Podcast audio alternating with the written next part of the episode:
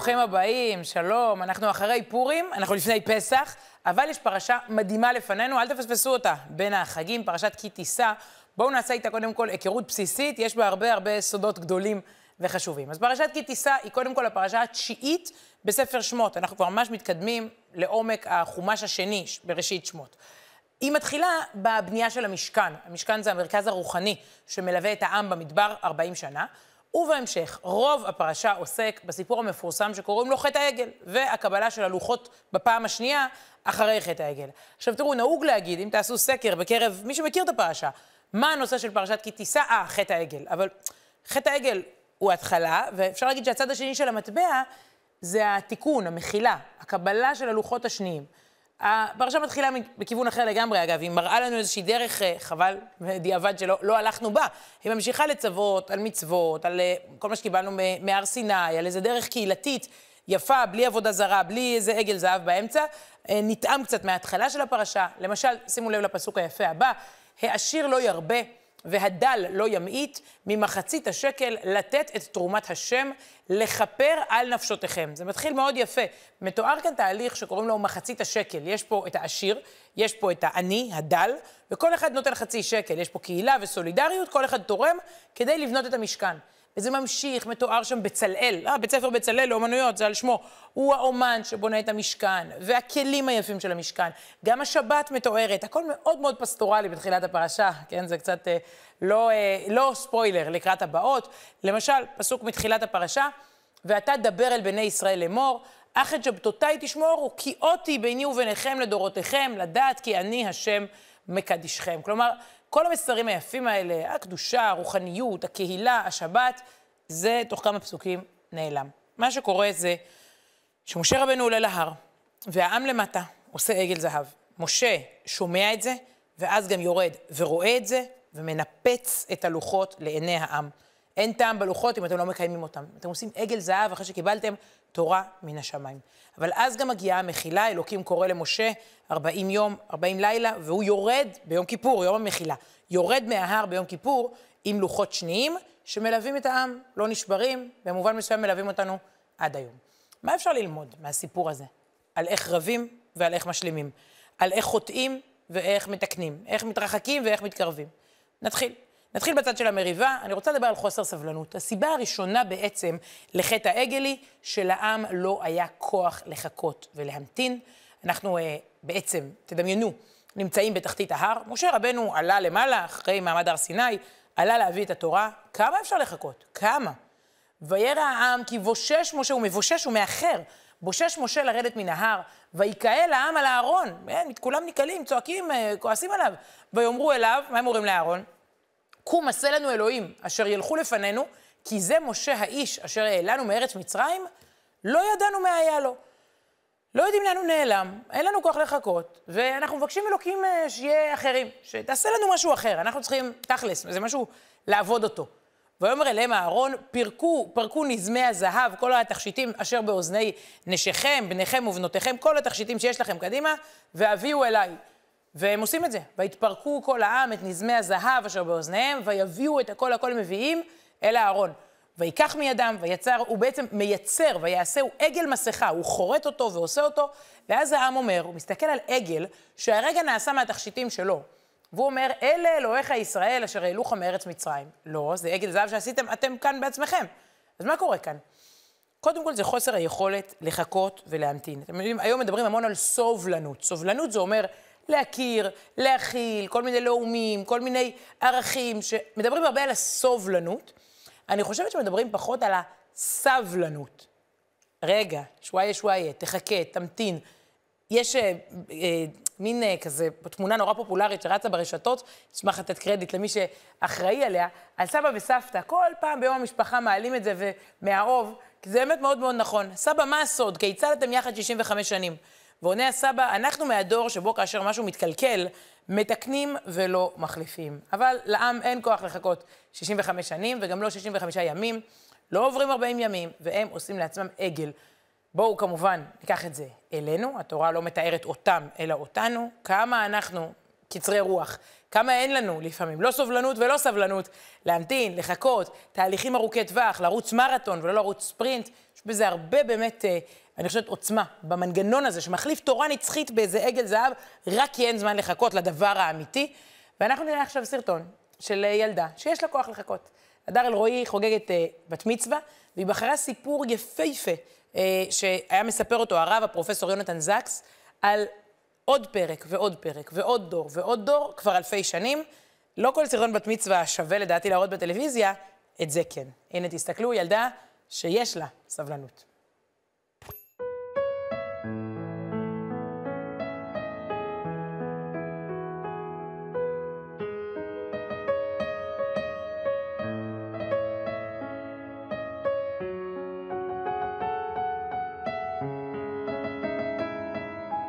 דמיינו שאתם נכנסים לספרייה ענקית, שיש בה עשרות אלפי ספרים מרתקים.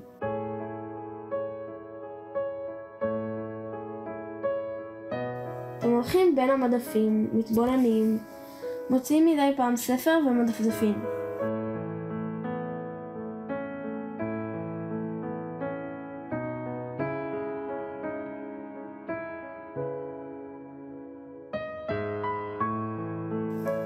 אתם עוצרים.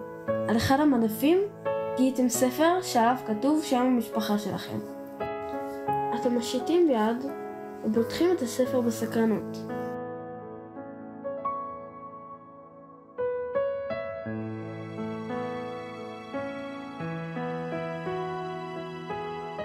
ואז אתם רואים מאות עמודים שנכתבו על ידי אנשים שונים בשפות שונות.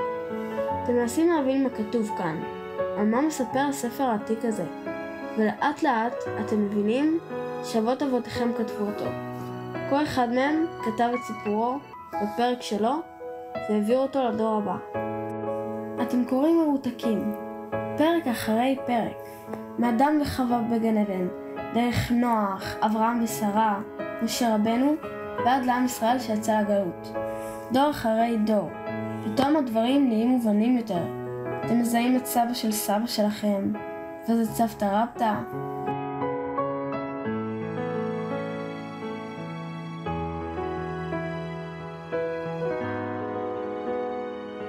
את סבא וסבתא שאתם מכירים. הפרק הבא נכתב על ידי אבא ואימא שלכם, והוא הפרק האחרון. אבל כשאתם מגיעים לסוף הספר, אתם מגלים עמוד אחד ריק. בראשו מופיע השם שלכם, שם פרטי ושם משפחה, אבל לא כתובה בו אף מילה נוספת. זהו הפרק שאתם צריכים לכתוב. האם תחזירו את הספר למדף, תלכו ותשכחו מכל האירוע? אם תבחרו לעשות כך, כל מאות הדורות שלפניכם, ששמרו על הספר הזה, ייעלמו יחד איתכם.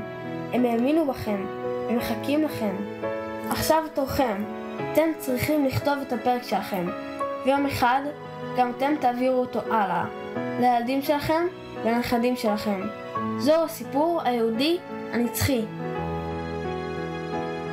עכשיו תורי לכתוב את הפרק שלי.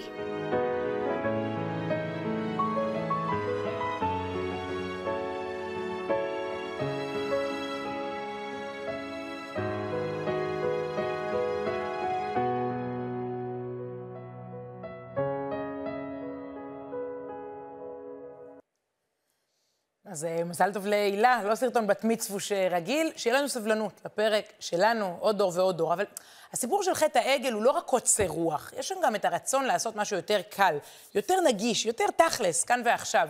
הרי הם לא עשו לעצמם עשרת הדיברות, הם עשו עגל. זה מוביל אותנו לעניין השני, אפשר לקרוא לו זהירות נוצץ, או זהירות זהב, זה עגל הזהב.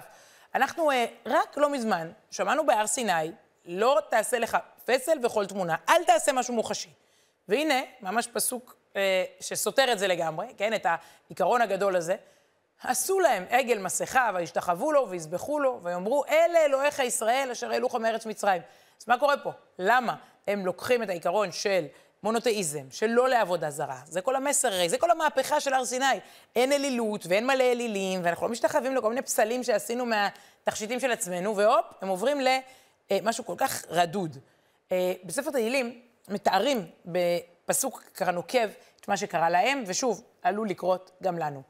וימירו את כבודם, ככה אומר לנו ספר תהילים, בתבנית שור אוכל עשב. ימירו, כמו שאני באה להמיר שקל לדולר, הם מחליפים את הכבוד שלהם, את כבודם.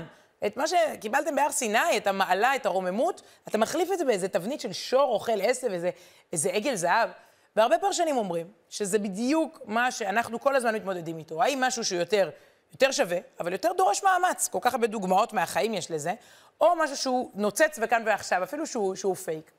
אפשר ונאות לפרשו, כך אומר לנו רבי יצחק ארמה, יושב בספרד לפני מאות שנים, והוא כותב שצריך לפרש את זה על כלל רוע הבחירה האנושית, על הרבה בחירות רעות שלנו. אנחנו ממירים את הכבוד האמיתי בעניינים חומריים, אשר השתתפו בהם אדם ובהמה. כלומר, החלק היותר בהמי שלנו הוא הרבה פעמים זה שמנצח, וגם אנחנו תמיד בקרב הזה של היותר נכון או היותר מיידי ויותר נוצץ. אגב, זה לא רק זהירות נוצץ. אפשר גם להגיד זהירות כולם, כי יש פה סחף חברתי. בסוף זה לא שכל אחד עושה את זה בנפרד, אלא איזו תפיסה כזאת ש, ש, שסוחפת, כן? עגל הזהב אה, אה, סוחף. אה, הרבה פרשנים מדברים, בדורנו כמובן, על כך שעגל הזהב הוא הזהב. הרבה פעמים הכסף קודם לערכים. או אפשר היום להגיד, אני חושבת שלייקים שווים אפילו יותר, אה, בדור הצעיר ודאי. אבל רק לפני, מה, 60-70 שנה, אה, כשהקומוניזם, שנות ה-50, בשיאו, אני אראה לכם דוגמה מכאן, ממדינת ישראל, זה לא יאומן. איך אפשר באמת להיסחף אחרי עבודה זרה, אחרי עגל הזהב? אה, סטלין בימיו אחראי לרצח של בין 8 ל-10 מיליון אה, בני אדם, בכללם גם כמובן הרבה יהודים, אבל אה, היום ברור מי ומה היה סטלין. הנה מודעות שפורסמו פה, בישראל, בתקשורת, במיינסטרים. כשסטלין... אה, מת בברית המועצות לשעבר, כן? עצרת אבל על המנהיג אה, הדגול, וגם כותרת שמכריזה שהעולם כולו, שימו לב, סליחה, לא העולם כולו, העולם המתקדם. העולם המתקדם אבל על מותו של סטלין. היום אנחנו יודעים כמה זה היה לא מתקדם, אבל יש תקופות, ואני מניחה שבעתיד נסתכל על עצמנו גם היום ונגיד איך נסחפנו לפה, איך נסחפנו לשם. בזמן אמת אולי קשה לאתר את זה, אבל המנגנון הזה של עבודה זרה, של עגל זהב, דברים נוצצים, שכולם נסחפים אחריהם, חד משמעית, מלווה אותנו גם היום. אוקיי, אז למה משה רבנו גם שובר את הלוחות? הם טעו, למה לקחת את הלוחות ולנפץ אותם? למה זה נצרך? זה מוביל אותנו לעוד נקודה בעייתית. אנחנו עכשיו מתארים את המריבות, עוד מעט נתפייס, אבל רגע. אמרנו שהם אה, אה, אה, הלכו רק אחרי הנוצץ, אמרנו שלא הייתה להם אה, סבלנות לחכות, גם לא הייתה להם בושה. בלי בושה. בעצם, אומרים הפרשנים, צריך לקרוא טוב את הפסוקים, תסתכלו שנייה. ויהי כאשר קרב אל המחנה, משה יורד מההר, וירא את העגל ומחולות. הוא לא ראה רק את העגל, הוא ראה את הריקודים. כשהוא ראה גם את המחולות, ויחר אף משה וישלך מידו את הלוחות וישבר אותם תחת ההר. עוד פעם, וירא את העגל והמחולות. אם כל אחד היה יושב בעגל, באוהל שלו, עם איזה עגל פרטי, מתבייש, עובד את עגל הזה, לא, לא. זה הפרהסיה, זה התרבות. כולנו נעבוד עבודה זרה, וזה יהיה, על זה ידברו, על זה יהיו הפושים, על זה יהיו התוכניות, באולפנים כמו האולפן הזה, זה ה... זה, זה מה ש... זה, אין, אין בושה, להפך, זה, זה גאווה, זה עגל הזהב. רבי עובדיה ספורנו, הפרשן האיטלקי, אומר לנו, היו שמחים בקלקול שעשו. הרבה פעמים אני רואה בכל מיני מקרים של אלימות בני נוער. זה לא רק האלימות, לצערנו, זה לפעמים גם חוסר הבושה. כלומר, גם עשיתי שיימינג על מישהו, גם החרמתי מישהו, גם לא עלינו דקירות ודברים יותר קשים, וזה גם ההתפארות בזה. חז"ל אומרים, זה גם מלווה אותנו עד היום. מילא אתה עושה משהו לא טוב, אבל גם חוסר הבושה. אז כל זה מוביל אותנו לנתק, לריב, ל... אה, בעצם אה, החטאה, חטא זה מלשון להחטיא. אה, חוסר הסבלנות, דיברנו, הנטייה אחרי הנוצץ והסחר החברתי, והעובדה שלא מתביישים, שזה בעצם הפרהסיה של כולם הופכת להיות, כולם עומדים מסביב לעגל הזהב, רוקדים ועובדים אה, אותו. זה נראה מצב שאי אפשר לתקן. עם ישראל, וואו, התבלבל לגמרי, הרגע קיבלתם תורה, תראו, תראו לאן הגעתם, איך מתפייסים. איך, אפשר בכלל להמשיך ביחד, או שזהו, הסיפור, הבשורה של יציאת מצרים נגמרה, אפשר לגמור את התורה השבוע, זהו, הם, הם טעו. פה מגיעה הבשורה הגדולה, הסקופ הגדול באמת, ולכן אמרתי, הנושא בפרשה זה לא חטא העגל. הנושא הוא העובדה שאפשר לתקן. הבשורה, ממש אפשר לראות איך הפרשה משנה טון.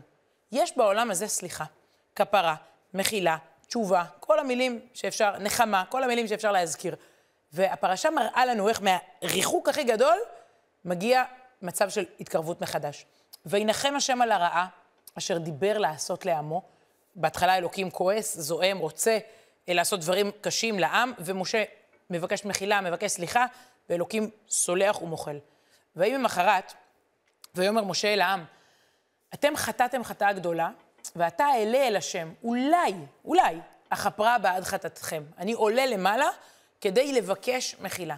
משה מקבל שם סוד גדול. אנחנו כל יום כיפור מזכירים, בכלל בימי הסליחות, ובהרבה מעמד, מעמדים מיוחדים, את הי"ג מידות של רחמים. משה רבנו עולה להר, מקבל את הקוד הזה, את הסוד הזה, שאלוקים הוא רחום וחנון, ערך אפיים, ואז הוא מתבשר בבשורה השמחה שהתורה תחזור, למרות שהיא נופצה. ויאמר השם אל משה, פסול לך שני לוחות אבנים כראשונים, וכתבתי על הלוחות את הדברים אשר היו על הלוחות הראשונים אשר שיברת. איזה חידוש עצום וגדול בעולם. אפשר למחוק אחורה דברים, אפשר להתחרט, אפשר להתפייס כראשונים, כן? נכון, למריבות בבני זוג, הורים וילדים, מגזרים בעם, עמים שרבים. אפשר לחזור אחורה, זה אפשרי. זה הבסיס ליום הכיפורים. משה הולך לרדת עם הלוחות ביום כיפור. אבל טוב, לא נקדים עכשיו את, אה, את חודש תשרי. אז קודם כל ראינו שזה אפשרי. הדבר השני שנגלה זה, שזה מוביל אותנו למערכת יחסים יותר חזקה. באורך, באמת, לאורך התורה רואים שמהחטאים, העם לא רק חוזר למה שהיה קודם, הוא עולה דרגה, הוא עולה ברמה. מפרשים את זה, הרבה מהפרשנים, הם מדמים את זה לחבל, הבאתי תמונה כדי לנסות להמחיש את זה. דמיינו חבל שהוא היה שלם, הוא היה שלם לגמרי. ואז הוא נקרע. ואז קשרנו אותו מחדש, כדי לחבר אותו שוב. איפה שקשרנו, עכשיו יהיה יותר חזק הקשר ממה שהיה קודם. עכשיו יותר קשה לקרוע. אנחנו יודעים את זה שאחרי מריבות משלימים, ואחרי ריחוק פתאום, אחרי כל מיני דברים שגורמים לאנשים להעריך מחדש את מה שהיה להם וכמעט נאבד, והם מצליחים לשקם ברגע האחרון. אז זה לא רק שיש מחילה, אלא שאפשר להגיע לרמה גבוהה יותר בקשר, ובאמת זה יקרה. עכשיו לאורך ספר שמות, ויקרא, במדבר, דברים, יהושע, עד היום, עד, עד עכשיו. אנחנו לא, לא חזרנו לחטא העגל, אנחנו ממשיכים כבר אלפי שנים. כלומר, הקשר חזר. אבל איך הוא חוזר? זה סוד, אני חושבת, בעיקר לדור שלנו. באמת, לפעמים אני מדמיינת אותם שם במדבר, בלי וואטסאפ, בלי אינסטגרם, בלי כל הסחות הדעת, ובכל זאת הדברים ממש ממש קשורים לחיים שלנו היום. הבשורה האמיתית שמשה מקבל יחד עם, עם התורה ויחד עם זה שאפשר אה, להתפייס ולעלות אפילו ברמה בקשר, אפשר לקרוא לזה בשורת הצניעות או בשורת הפנימיות, אה, האינטימיות. בעצם אנחנו בעידן שרוצה לשתף כפי יכולתך, נכון? זה מה שהאלגוריתם צועק עלינו. שתף כפי יכולתך. אין שום דבר פרטי, אין שום דבר אישי, תוציא. מה אתה משתף החוצה? הכל, מי צריך לדעת? כולם, מתי? כל הזמן, נכון? הכל, לכולם, כל הזמן. אין לך שום דבר שהוא שלך. גם המעמד הראשון של מתן הלוחות היה מעמד מאוד פומבי. מאוד מאוד פומבי. אה, אולי זוכרים את התיאורים, למדנו את זה פה ביחד לפני כמה שבועות. כל אה, העם מוזמן, ילדים, ילדות, גברים, נשים, זקנים, טף. חיות, כל העולם שם, הצמחייה, ואפשר להגיד ששופרות, ועננים, ואיזה אפקטים, סליחה על המילה, אבל זה היה ככה, באמת איזה משהו רב רושם של וואו, מעמד באמת אה, אה, בלתי, בלתי נשכח. וזה לא עבד. מרוב אולי פומביות וציבוריות, זה הפך לעגל זהב. עכשיו זה יהיה אחרת. אלוקים אומר למשה, עכשיו זה רק אתה ואני, הפורמט עכשיו הוא שונה לגמרי. ועלית בבוקר אל הר סיני, בלשון יחיד. תראו מה זה, קודם הביאו את כולם. אמרו שהוא 600 אלף, רק גברים היה 600 אלף, אה, שקט, שקט. ועלית, אתה ואני, תעלה להר סיני. וניצבת שם על ההר, ואיש לא יעלה עמך, אף אחד לא עולה, אף אחד לא מגיע עמך. וגם איש אל ירא בכל ההר. גם הצאן והבקר, אל יראו אל מול ההר הזה. בואו נעשה, אל מול ההר ההוא, בואו נעשה משהו שהוא פרטי ואינטימי, רק אני ואתה, שהזר הקרב פשוט יתרחק. ויפסול שני לוחות אבנים כראשונים. וישכם משה בבוקר, ויעל הר סיני, בלשון יחיד, כאשר ציווה השם אותו, ויקח בידו שני לוחות אבנים. אומר רש"י, פרשן העל של התורה, שמלווה אותנו ככה לאורך כל הפרשות, אומר רש"י דבר עמוק, שימו לב. הראשונות, הלוחות הראשונות, הלוחות הראשונים, כיוון שהם היו בתשואות, אתם יודעים מה זה תשואות, כן? אה, מחיאות כפיים, וקולות, וקהלות, כן? אה, קהל, שלטה בהן עין הרע. זה היה מדי פומבי, תשואות וקולות וקהלות, זה לא עבד. אין לך יפה מן הצניעות. כלומר, אנחנו היינו במעמד המוני שנכשל, עכשיו זה מעמד הר סיני פרטי. שימו לב, בציורים, נסו לדבר עם ילדים בגן, איך הם מציירים את מעמד הר סיני, או גם ציירים גדולים. הם יציירו את המעמד הראשון, למרות שהוא במובן מסוים נכשל, אה, אה, הם המירו את זה לחטא העגל. אף אחד כמעט לא יצייר את המעמד השני, משה ואלוקים, אפילו בדמיון שלנו. אני אומרת לכם, קבלת הלוחות, וואו, זה... לא, לא, זה לא איצטדיון, זה משה ו... ואלוקים באופן פרטי, וזה ממשיך ללוות אלפי שנים. אז אם הפרשה מתארת את שיא הריחוק, היא מתארת גם את שיא הקירוב, וזה לא רק ביחסים בין העם אז לבין אלוקים, אלא בכל מערכות היחסים סביבנו, ונסיים באמת שוב בשלוש הנקודות האופטימיות, המנחמות, אחרי החטא החמור. דיברנו קודם כל על כך שיש סליחה ויש פיוס ויש מחילה בעולם, בסיס של יום כיפור. דיברנו על כך שאחרי משבר, הרבה מאוד פעמים הקשר דווקא מתחזק, דווקא אחרי שהחבל נקרע, איפה שהוא נקרע, הקשר עכשיו יותר קשה לפרק אותו שוב. ודיברנו על כך, וזה מאוד חשוב לכל מערכת יחסים, שבסוף זה אחד על אחד, זה צריך להיות גם צנוע וגם פרטי, זה לא שייך לכל העולם, וככה זה גם מתקיים לנצח. הבטחתי לכם שבין פורים לבין פסח מסתתרת פרשה שאסור לפספס.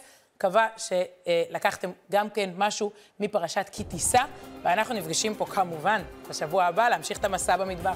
להתראות, שבת שלום.